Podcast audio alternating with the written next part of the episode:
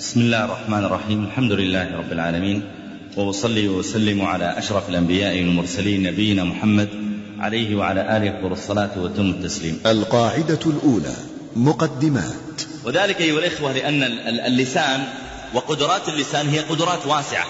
حتى إن أحد الناس آه، من الناجحين في الحياة كان عنده أموال وزوجة وشركات وإلى آخر ذلك.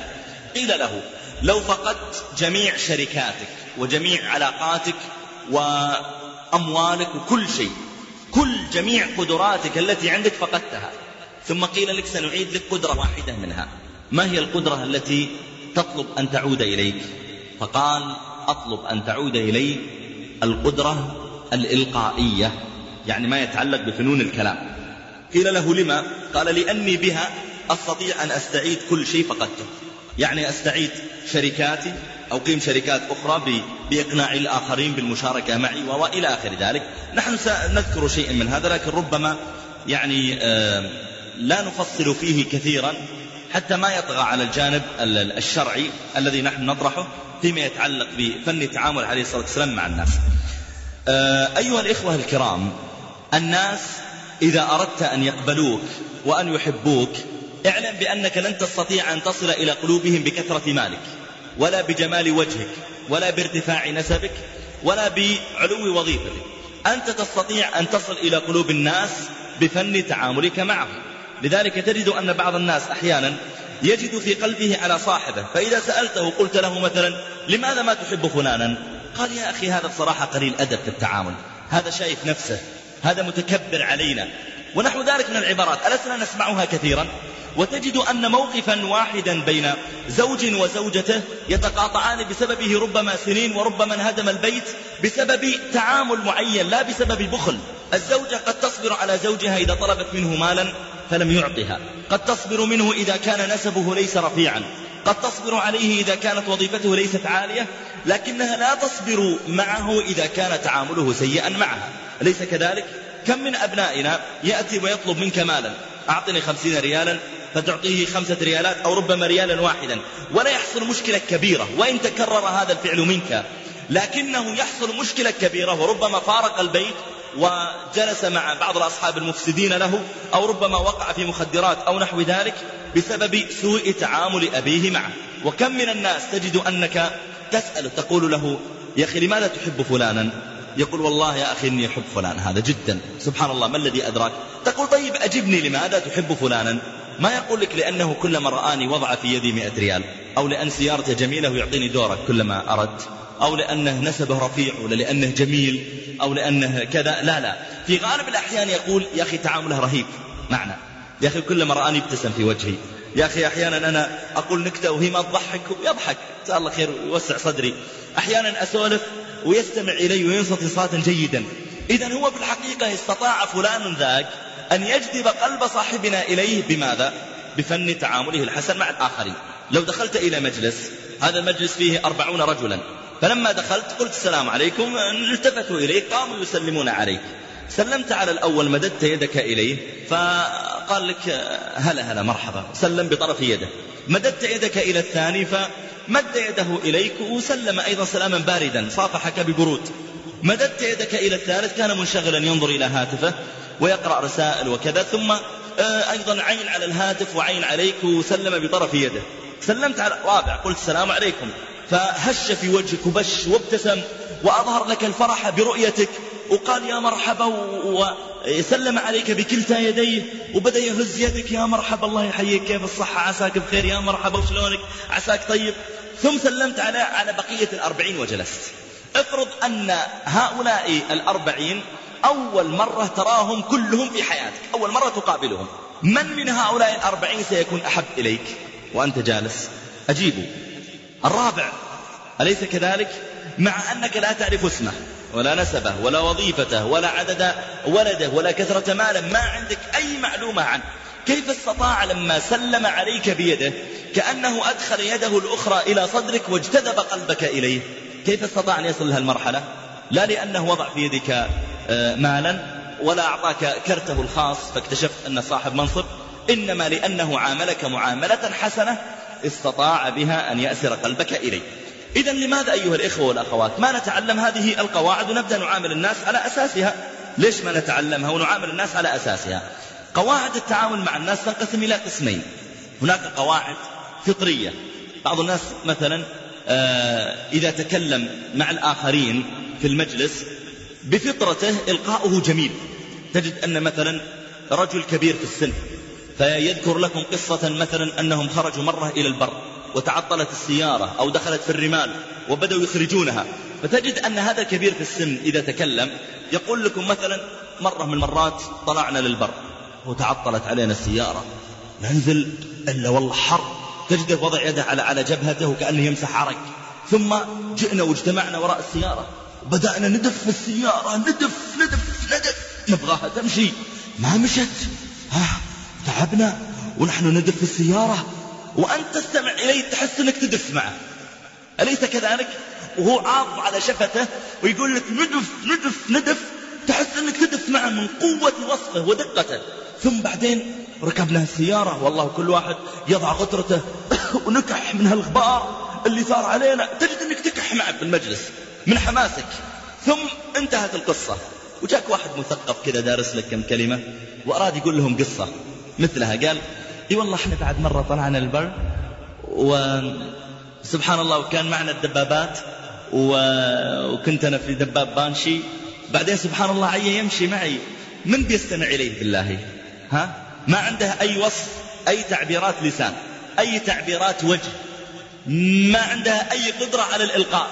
مهما ارتفع مستواك التعليمي ما دام أنك ما تعلمت كيف تلقي لن تستطيع أن يستمع إليك الآخرون. لن يقول الناس لا والله هذا متخرج من الجامعة خلونا نستمع إليه بدل ما نستمع للشايب اللي قبل. لا الشايب هذا لم يأخذ دورة في الإلقاء لكن بفطرته استطاع أن يكون عنده إلقاء جيد. طيب لماذا أنت لا تكون ذكيا وتأخذ ورقة وقلم وتبدأ تسجل؟ لماذا استمعوا إلى هذا الرجل الكبير في السن آه الذي هو عامي ولم يدرس ولم يستمعوا إليه؟ خلينا نتأمل هو لما قال ندف السيارة أشار بيديه. إذا استعمال إشارات اليدين. هذا واحد. اثنين لما قال إن إحنا أصابنا عرق شديد جعل يمسح على وجهه. إذا أيضا تعبيرات الوجه والتمثيل أحيانا باليدين. أه لما قال ندف السيارة تغيرت نبرة صوته وكأنه فعلا يقوم بدف السيارة. إذا العناية بنبرات الصوت. لما كان يتكلم كان يدور ببصره علينا جميعا. إذا عناية بالمسح البصري للسامعين. ثم أكتب هذه القواعد عندي وأبدأ أطبقها. سأكون ناجحا كنجاحه وربما أكثر. الذين يؤلفون اليوم كتبا تتعلق بفن الإلقاء بفن الخطابة بفن التعامل مع الناس هم في الحقيقة لم يبتكروها من عند أنفسهم. هم ثبروا أحوال الناس ونظروا فيها ثم بعد بدأوا بعد ذلك يجعلونها على قواعد يؤلفون فيها كتبا.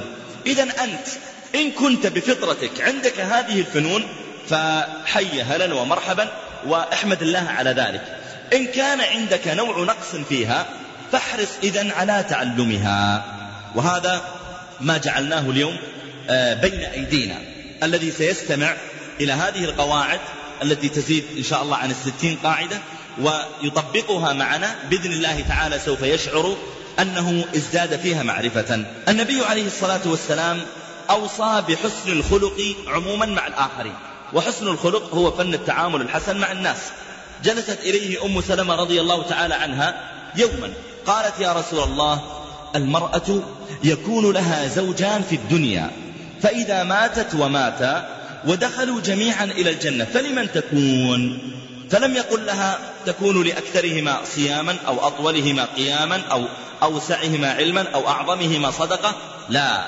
قال تكون لأحسنهما خلقا. تكون يا أم سلمة للذي كان يتبسم في وجهها للذي يتحمل أذاها للذي لا يكثر الغضب عليها للذي يتأدب في كلامها. قال تكون لأحسنهما خلقا. فعجبت. فلما رأى عجبها قال لها عليه الصلاة والسلام يا أم سلمة.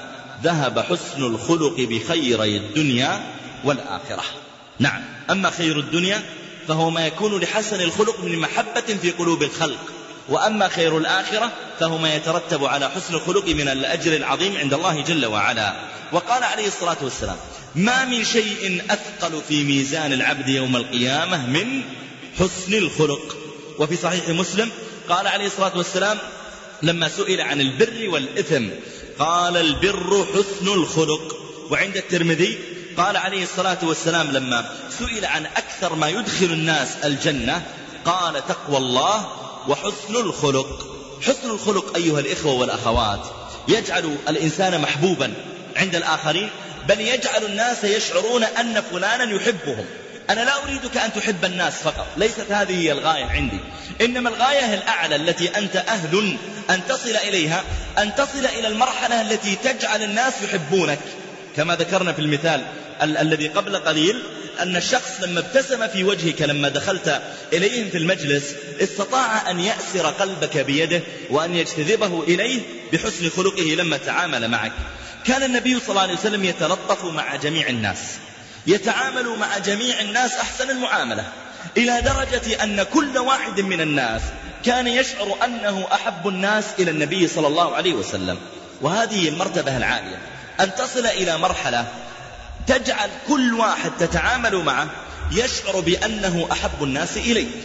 عمرو بن العاص رضي الله تعالى عنه كان النبي صلى الله عليه وسلم يتعامل معه وكان صلى الله عليه وسلم يحسن التعامل معه جدا. مثلا يناديه بأحب الأسماء إليه.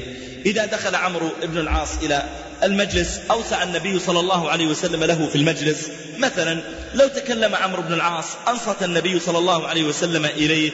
إذا تكلم معه التفت بوجهه إليه واستمع إليه. هذا الخلق الرائع والتعامل الكبير. أشعر عمرو بن العاص أنه أحب الناس إلى النبي صلى الله عليه وسلم. فجاء عمرو قال يا رسول الله. قال نعم. قال من أحب الناس إليك؟ توقع بيقول له أنت. ما ألا تراني أبتسم في وجهك؟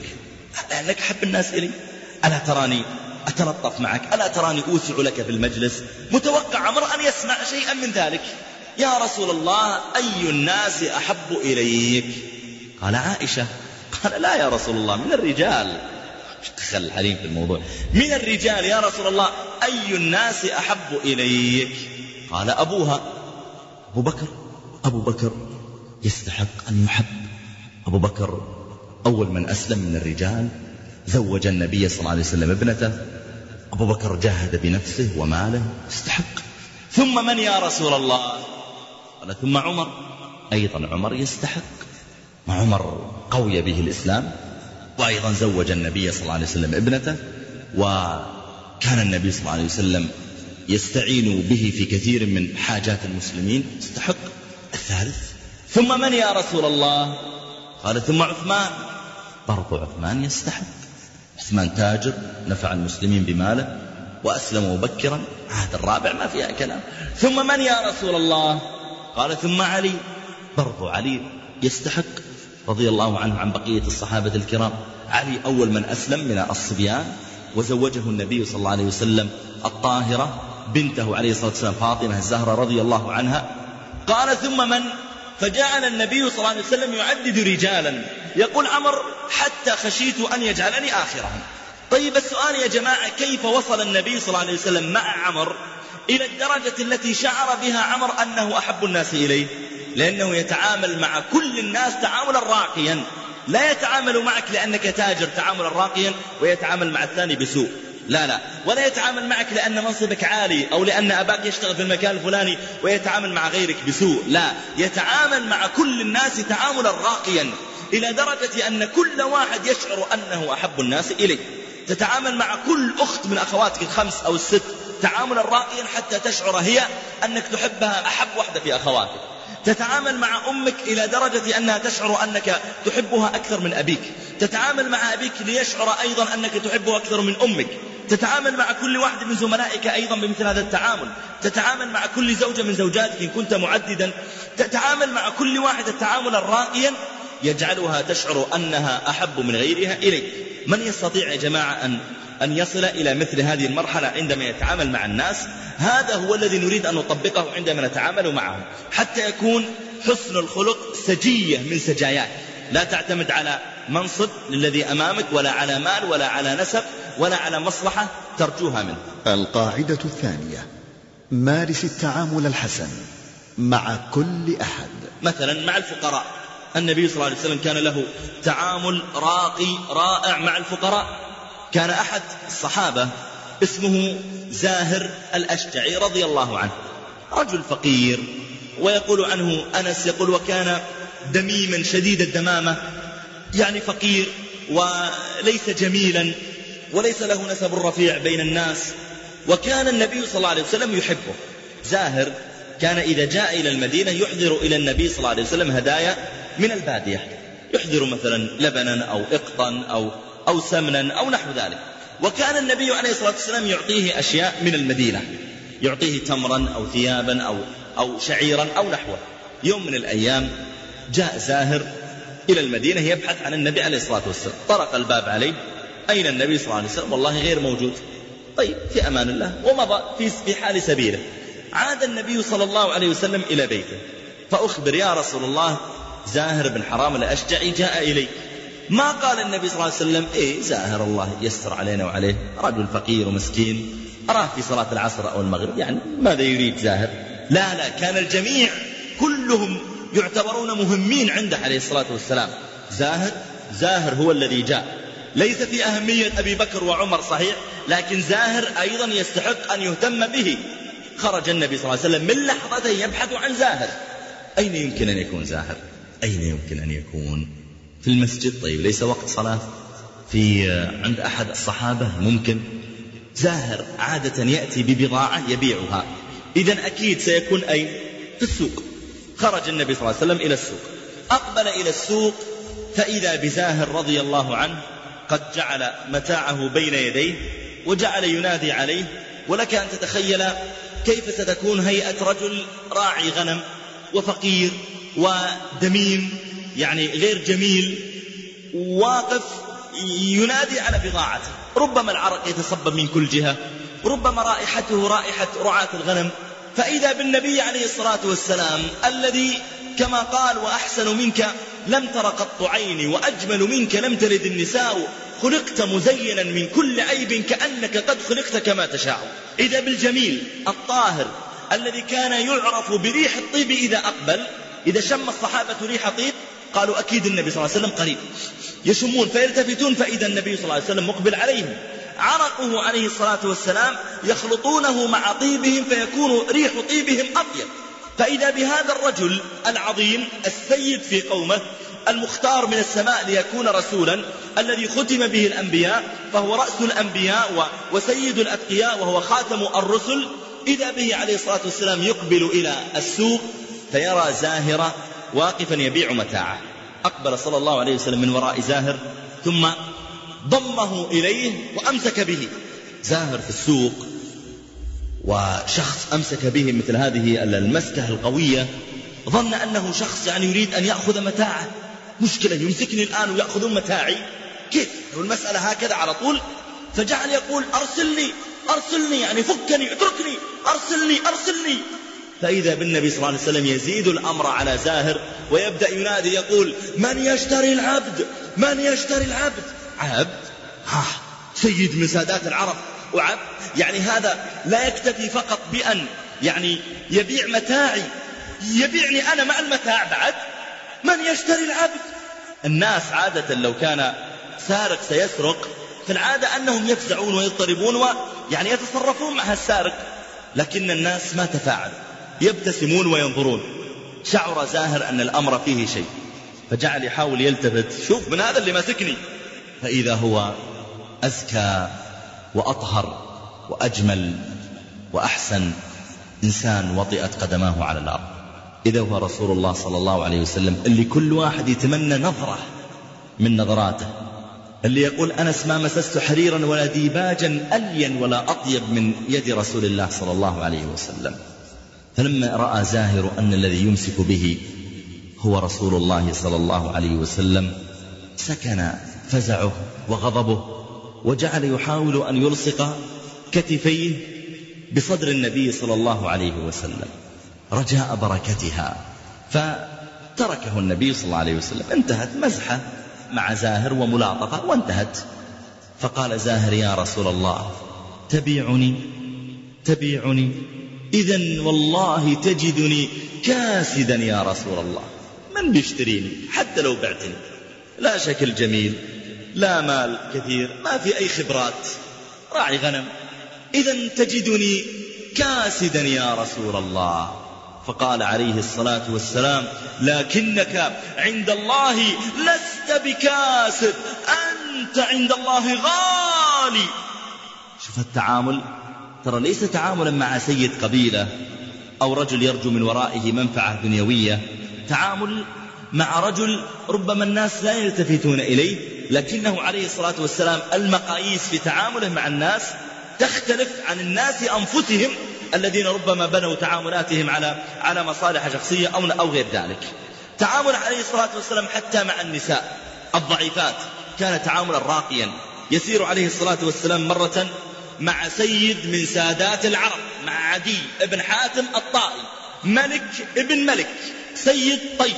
وإذا بامرأة تقف على وسط الطريق وتبدأ تشير إلى النبي عليه الصلاة والسلام امرأة أمة ضعيفة مسكينة وهو عليه الصلاة والسلام في يده يسير مع عدي بن حاتم يسير مع ملك.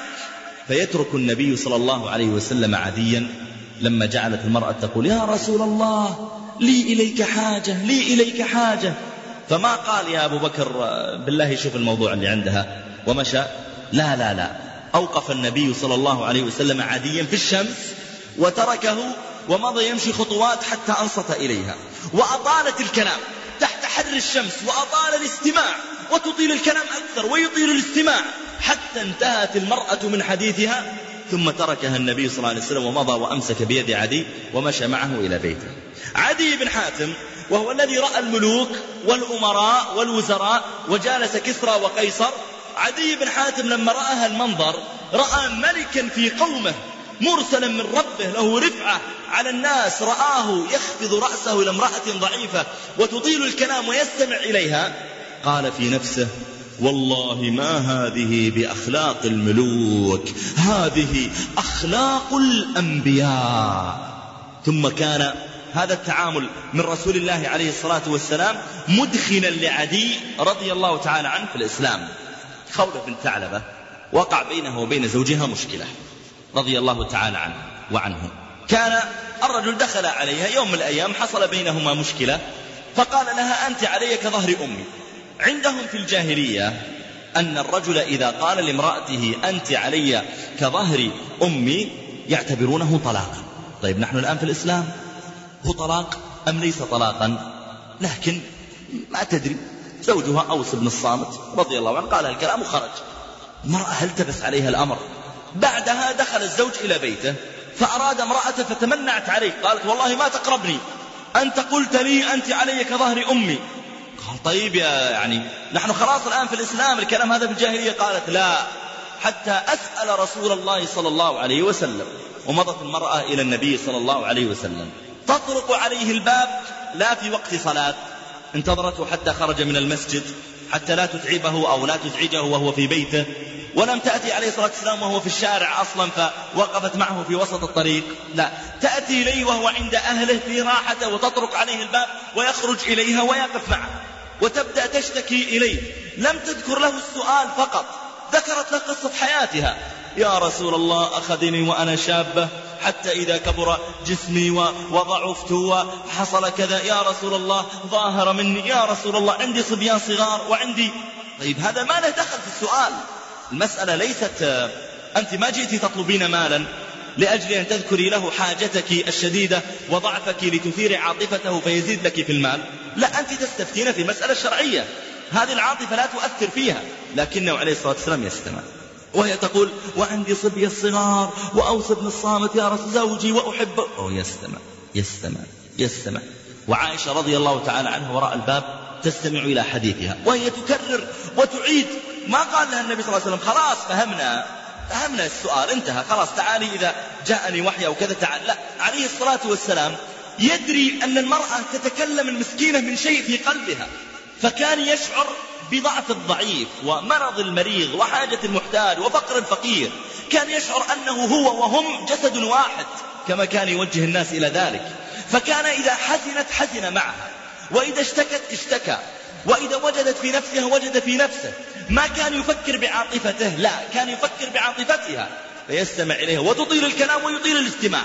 حتى إذا انتهت أنزل الله تعالى إليه قد سمع الله قول التي تجادلك في زوجها. لاحظ قال تجادلك. يعني أطالت الكلام. المجادلة هي المرادة بين شخصين. صح؟ متابعة الكلام. ما قال سمع الله قول التي تستفتيك. في زوجها لا. تجادلك وسميت بسورة المجادلة أو المجادلة. تجادلك في زوجها وتشتكي إلى الله. والله يسمع إيش؟ تحاوركما. إذا وقع بينهما حوار طويل. إن الله سميع بصير. سبحانه تقول عائشة رضي الله تعالى عنها سبحان من وسع سمعه الأصوات. تقول والله إني لخلف الباب عند الحجرة. ويخفى علي بعض حديثها أسمع بعض كلامها ويفوتني البعض لأنها كانت تخفض صوتها به وأنا أحاول أسمع ولا أستطيع. وينزل الله تعالى قد سمع الله قول التي تجادلك في زوجها ثم قال والله يسمع تحاوركما. لماذا؟ إن الله سميع بصير. فكان يستمع إليها عليه الصلاة والسلام يرحم ضعفها ومسكنتها.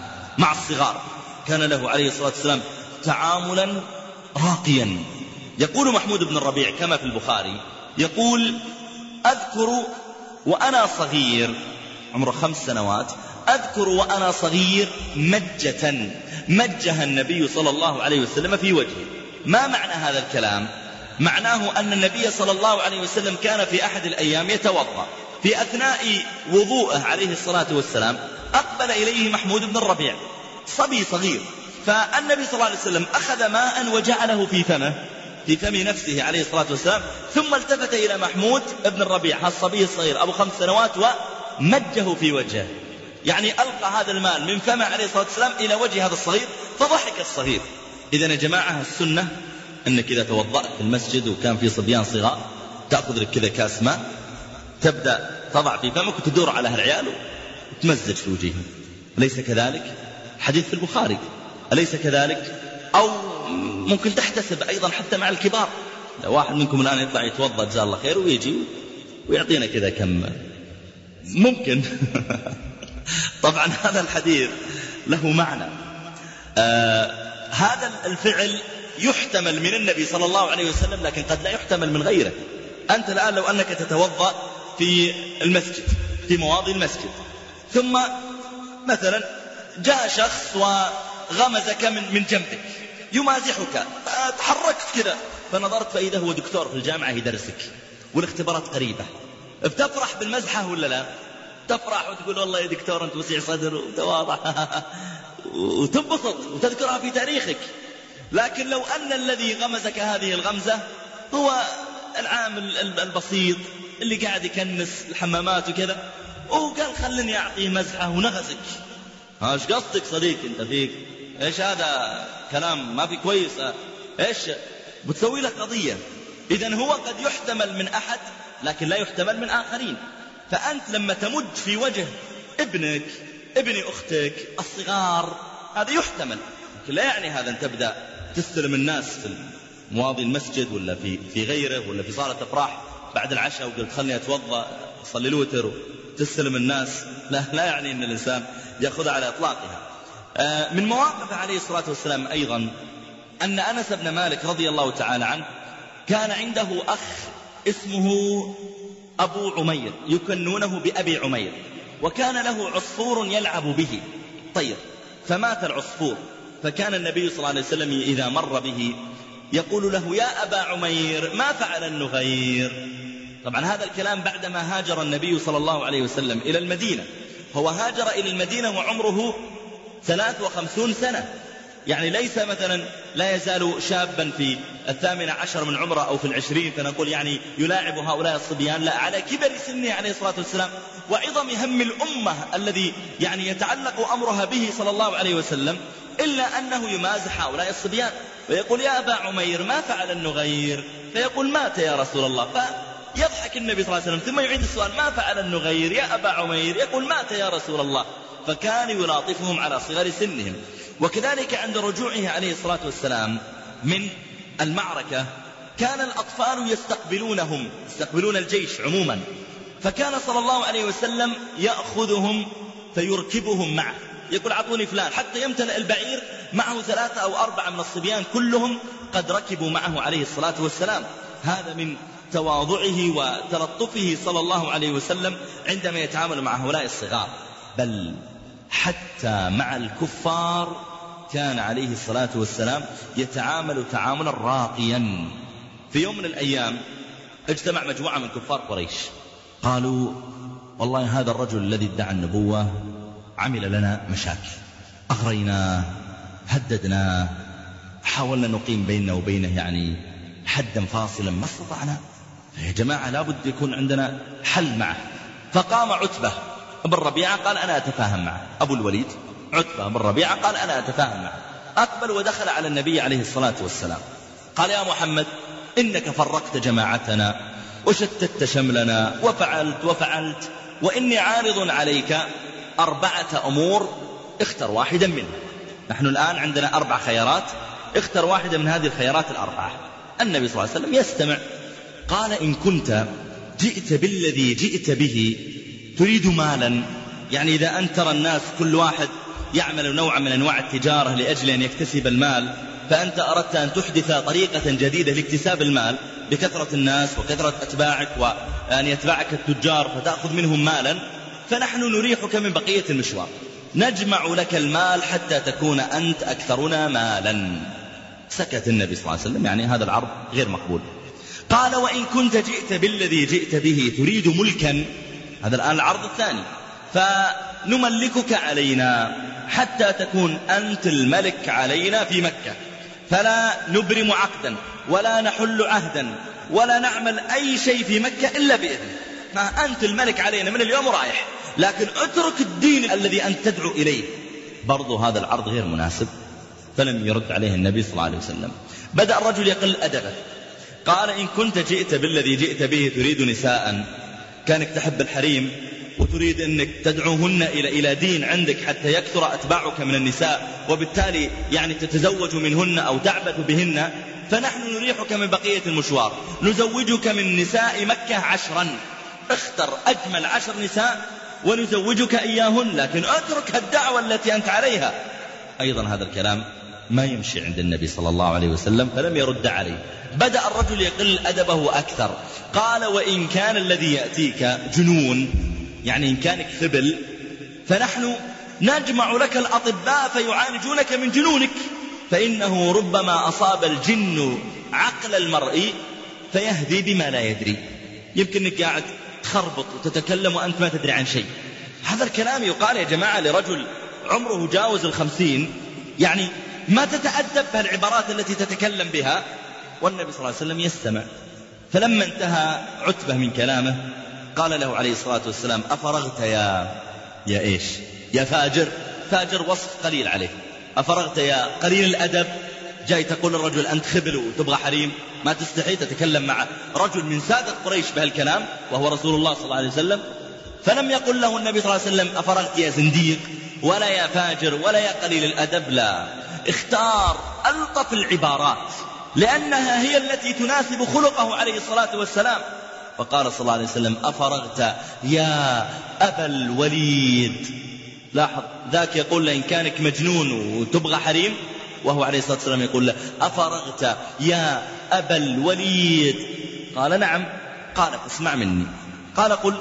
فقال النبي صلى الله عليه وسلم بسم الله الرحمن الرحيم. حاميم تنزيل من الرحمن الرحيم. كتاب فصلت آياته قرآنا عربيا وجعل النبي صلى الله عليه وسلم يقرأ عليه أوائل سورة فصلت حتى وصل إلى قوله تعالى فإن أعرضوا فقل أنذرتكم صاعقة مثل صاعقة عاد وثمود. وجعل صلى الله عليه وسلم يتلو الآيات وذاك الرجل ينتفض. حتى جاءت السجدة التي في أوائل السورة ثم سجد النبي صلى الله عليه وسلم وقام وقال هذا ما عندي. هذا الجواب. بماذا أثر هذا التصرف الرائع منه عليه الصلاة والسلام في هذا الرجل الكافر؟ رجع عتبة إلى قومه فلما رأوا وجهه من بعيد قالوا والله لقد جاءكم عتبة بغير الوجه الذي ذهب به. فلما وقف بين يدي قومه قالوا ما عندك يا, يا عتبة؟ قال يا قوم خذوا الرأي مني واجعلوها في. يعني إن كان هذا الرأي خطأ فلوموني أنا ليس عليكم لوم أنتم. قالوا ما عندك؟ قال دعوا الرجل وما يدعو إليه. فإن ظهر على الناس وصار له عز وشرف فعزه عزكم وفخره فخركم فهو يعني إن, إن ذهب ولا جاء فهو ولدكم وأنتم أبناء عمومته. وإن أصابه شيء وقاتله الناس كفيتم شره. أنتم لا تقفوا أمامه خلوا غيركم. بكر خزاعة ثقيف يقفون أمامه. ليش أنتم الذين تقفون أمامه؟ فقالوا والله لقد سحرك يا أبا الوليد. ثم طردوه من بين أيديهم انظر إلى تعامل قومه وانظر إلى تعامل النبي صلى الله عليه وسلم معه. تعامل راقي فعلا. بل حتى مع الحيوانات كان عليه الصلاة والسلام يتعامل أحسن التعامل. جلس صلى الله عليه وسلم مرة بين أصحابه. وقد عادوا من غزوة من الغزوات. ففي أثناء ذلك فإذا بحمرة نوع من الطيور تطوف فوقهم وتصيح. فقال النبي صلى الله عليه وسلم من فجع هذه بأفراخها؟ في أحد أكيد أخذ أفراخها. هي ما, ما تطير فوقنا عبثا. من فجع هذه بأفراخها؟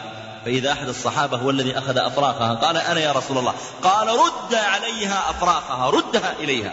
فأخذها الصحابي وردها إليها. ونهى النبي صلى الله عليه وسلم أن تتخذ الدواب كراسي. يعني لما يكون الإنسان راكبا على بعير ويمشي ويمر بصاحبه وصاحبه أيضا على بعير ويتقابلان فيوقف هذا بعيره ويوقف هذا بعيره ويبدأان يتجذبان أطراف الحديث وكل واحد على بعيره راكب. فنهى النبي صلى الله عليه وسلم عن ذلك. تريد تتحدث انزل وقف على الأرض. ما تكن على ظهر البعير.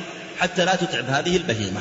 انظروا يا جماعة إلى شدة لطفه عليه الصلاة والسلام وتعامله الحسن حتى ورأفته حتى مع الحيوانات.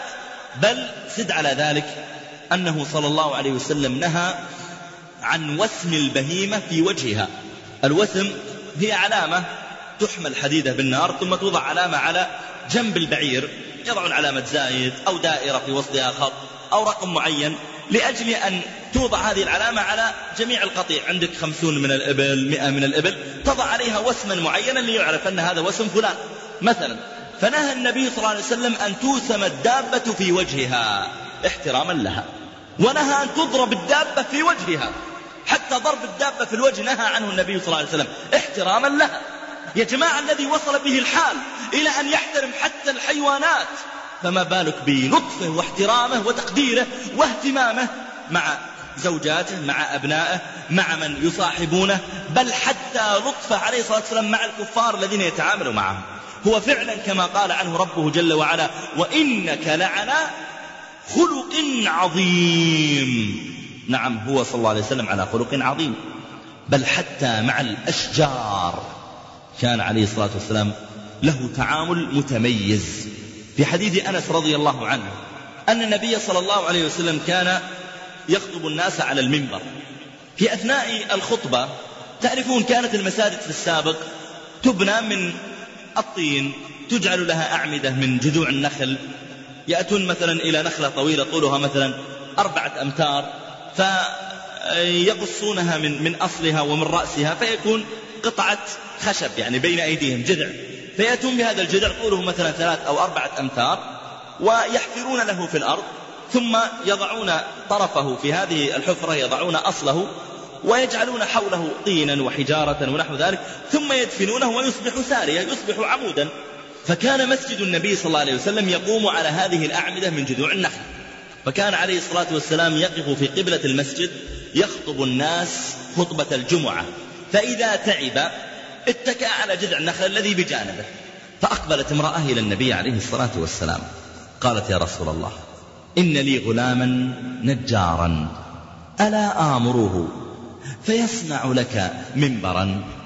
بدل ما كل مرة تقف على جذع وتتكى على جذع وكذا نصنع لك منبر يا رسول الله. قال مريه إن شئت.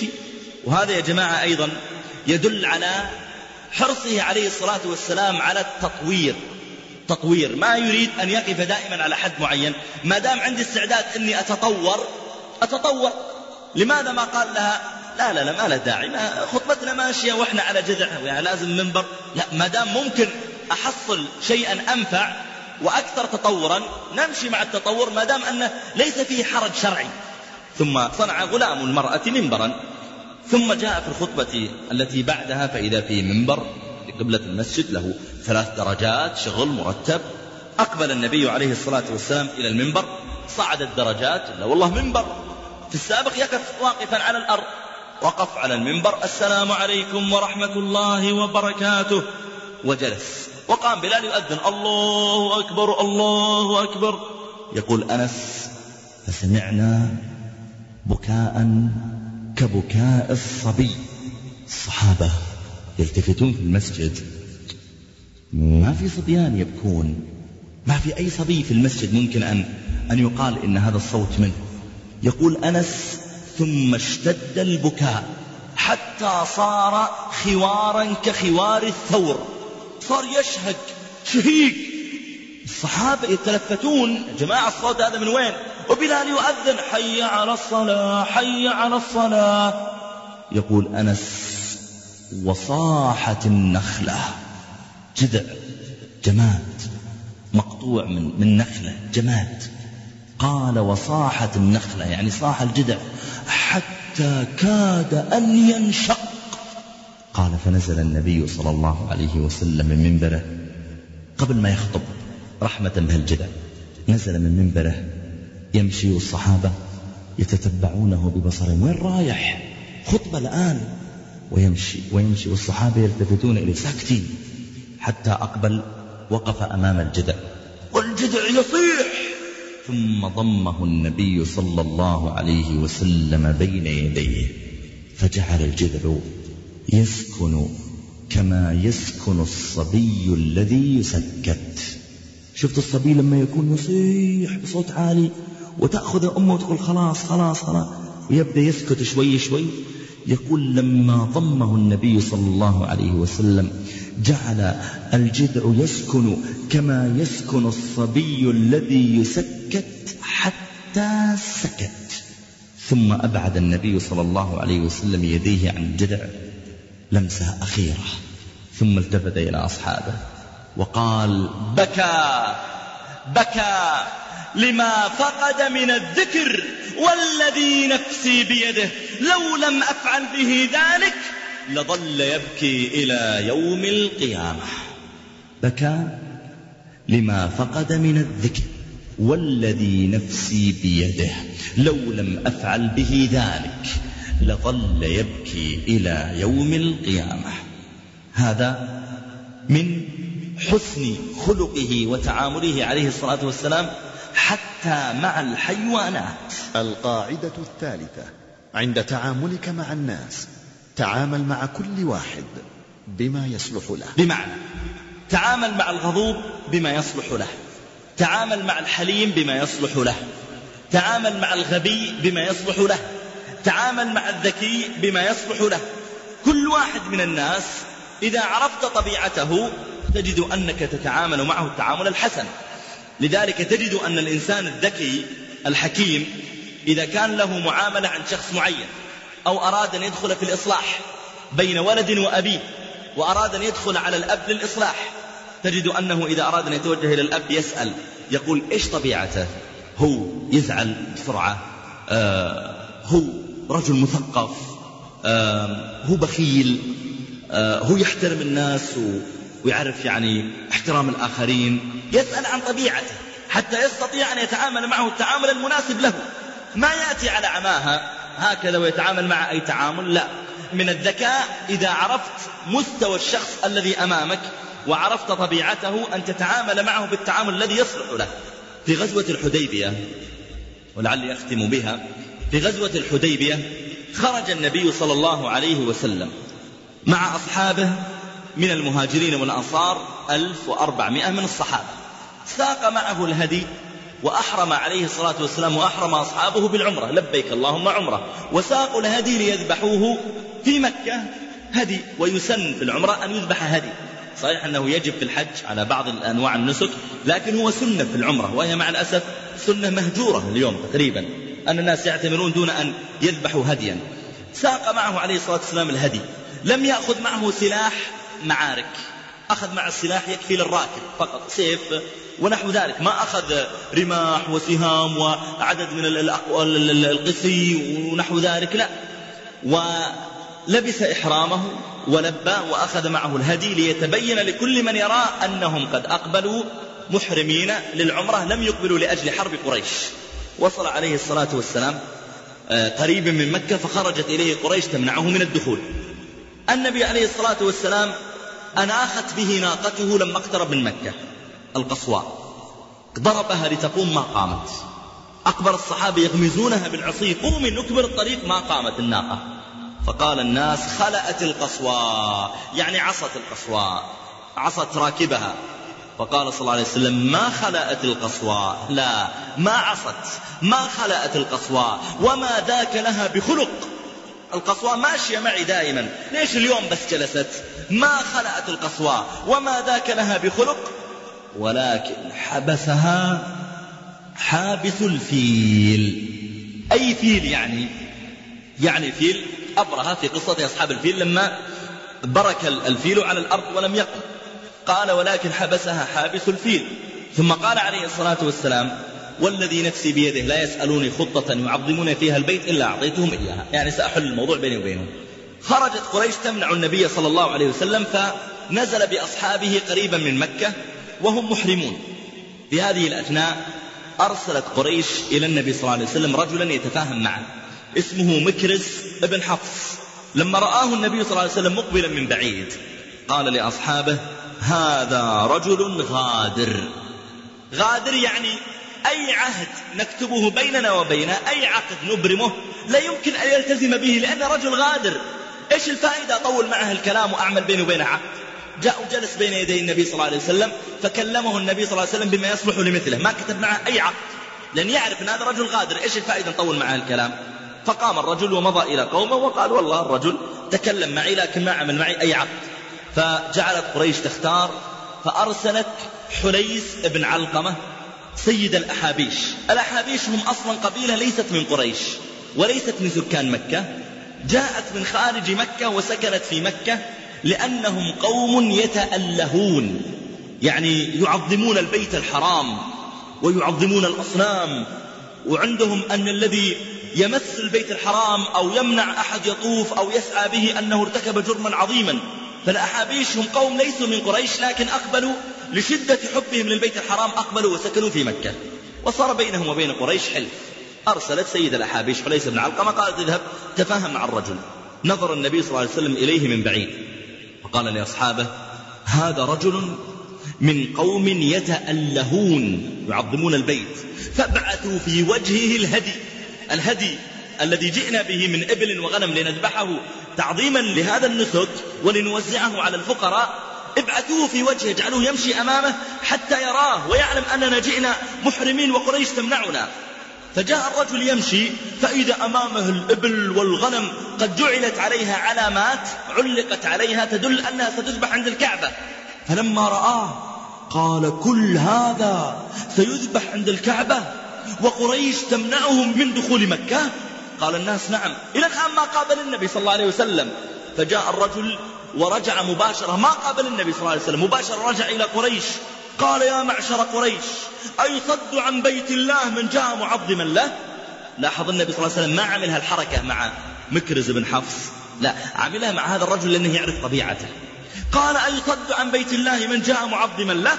قالت قريش اجلس إنما أنت أعرابي لا علم عندك. إيش دراك عن السياسة وعن التعامل؟ قال يا معشر قريش والله ما على هذا حالفناكم. أنا بيني وبينكم حلف ونصرة على أن نعظم البيت. والله ما على هذا حالفناكم ولا على هذا عاهدناكم. أيصد عن بيت الله من جاء معظما له؟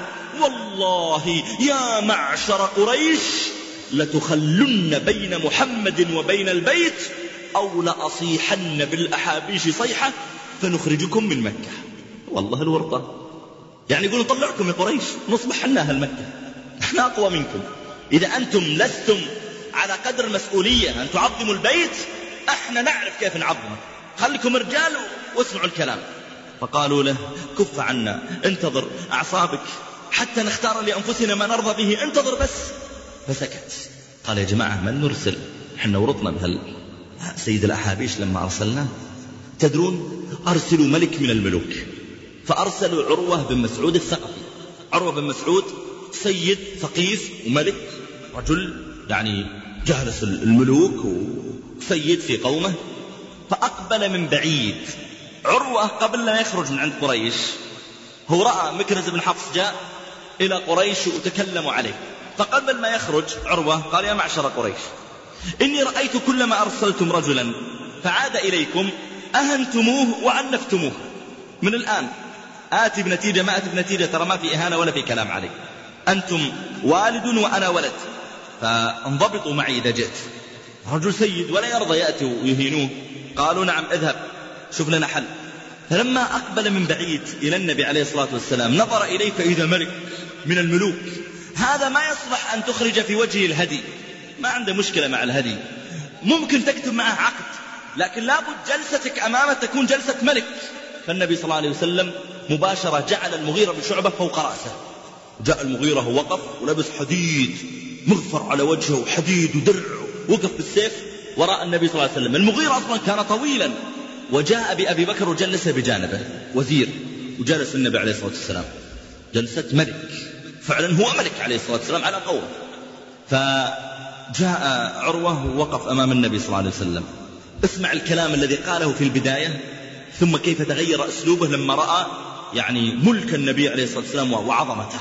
قال يا محمد قل يا أبا القاسم على قلب قال يا محمد جمعت أوباش الناس. أوباش الناس يعني عيال الشوارع. جمعت أوباش الناس ثم جئت بهم إلى بيضتك لتفضها بهم. جئت بهم إلى بلدك لي لتفسد بلدك بهم. يا محمد إنها قريش. قد خرجت منها العوذ المطافيل. يعني خرجت منها الأشاوس والرجال والمقاتلون. قد لبسوا جلود النمور. يعاهدون الله ألا تدخلها عليهم عنوة أبدا. وأيم الله لك أني بأصحابك هؤلاء ينكشفون عنك كما ينكشف الذباب. كنت فرحان باللي جايبهم والله أول صيحة من مقاتلي قريش أصلا قريش لو كان عندهم مقاتلين مثل ما يقول ما كانوا يحاولون يهدئون الوضع مع النبي صلى الله عليه وسلم صح؟ طلعون جيش وحل الموضوع لكنهم أصلا هم ضعفاء. فلما قال ذلك التفت إليه أبو بكر. شوف النبي صلى الله عليه وسلم ما يحتاج يرد على الكلام هذا. كلام التافه هو أكبر من أنه يرد عليه. يرد عليه غيره الوزراء وال ومن, ومن دونه عليه الصلاة والسلام. لكن أهم شيء أن يرد عليه. أهم شيء أن الكلام يرد عليه. لكن ما يرد النبي صلى الله عليه وسلم بنفسه يرد عليه غيره. فالتفت أبو بكر قال نحن ننكشف عنه. أمصص بضر اللات. اللات هو الصنم الذي يعبدونه. يقول اذهب تعبد عنده وأمصص بضر اللات. طبعا هذه سبة عندهم. فلما سمع هالكلمة ما هو متعود يسمع الكلام متعود يسمع الله يحييك طال عمرك سم إن شاء الله ما يصير خاطرك إلا طيب. هو متعود واحد يعطيك كلمة كذا في العظم. قال من هذا يا محمد؟ قال هذا ابن أبي قحافة. أبو بكر أراد يرد على أبي بكر وخاف. فقال أما والله لولا يد لك عندي لم أكافئك بها لرددت عليك. لكن لأنك قد أحسنت إلي مرة في الجاهلية أنا بسكت عنك. هذا مثل اللي خواف اللي يقول لا ما أنا خايف أني أصيحك ولا كان طقيتك. هو خايف منك أصلا. فعروة جعل يكلم النبي صلى الله عليه وسلم بلطف ويلمس لحيته. يقول يعني مثلا كيف؟ لازم ترجع نتفاهم شوي شوي. وهو كل ما قرب يده إلى لحية النبي صلى الله عليه وسلم المغيرة بن شعبة واقف البطل فوق حديد. ما ترى منه إلا عينيه. كل ما قرب يده عند لحية النبي عليه الصلاة والسلام ضربه المغيرة بصفحة السيف. ليس بحد السيف بجنب السيف. يعطيه بالحديد. يرجع يده. ثم يتكلم أحنا يعني قريش طيب نبغى نتفاهم مع يمد يده مرة ثانية. يضربه. رجع يده. أنا قاعد أنظر اليوم يا محمد طيب أحنا يعني ممكن نتفاهم معك. يضرب يده مرة ثالثة. لما مد يده في المرة الثالثة وضربه المغيرة قال المغيرة والله لئن مددتها رابعة لترجعن إلى قومك من غير يد. يدك تبقى عندنا وانت ترجع بيد واحد لكن خليك رجال واعرف انت تلمس لحية من؟ قال ما أفضك وأغلظك. من هذا يا محمد؟ قال هذا هذا ابن أخيك المغيرة بن شعبة الثقفي. وأنت عروة بن مسعود الثقفي. فقال يا لكع. يكلم المغيرة. قال يا لكع وهل غسلت سوءتك إلا بالأمس؟ إيش معنى غسلت سوءتك بالأمس. هذا في الجاهلية قريش كان عندهم تجارة فخرجوا بتجارة إلى اليمن. كانوا كلما مروا بقبيلة يأخذون حراس من عندها يعني يستعملونهم ما داموا في حمى هذه القبيلة حتى ينتهوا منه ثم يحاسبونهم ويرجعون إلى قومهم ويستأجرون آخرين. استأجروا المغيرة فأعجبهم استأجروه من الطائف. فأعجبهم فأبقوه معهم حتى وصلوا إلى اليمن ورجعوا وكانوا قد جعلوا له أجرة بعيرا بما حمل. أجرة لك لأنك يعني خدمتنا وساعدتنا طوال الطريق. لما وصلوا عائدين إلى مكة مروا بالطائف. خلاص الآن يأخذ بعيرا واحدا ويدخل إلى قومه.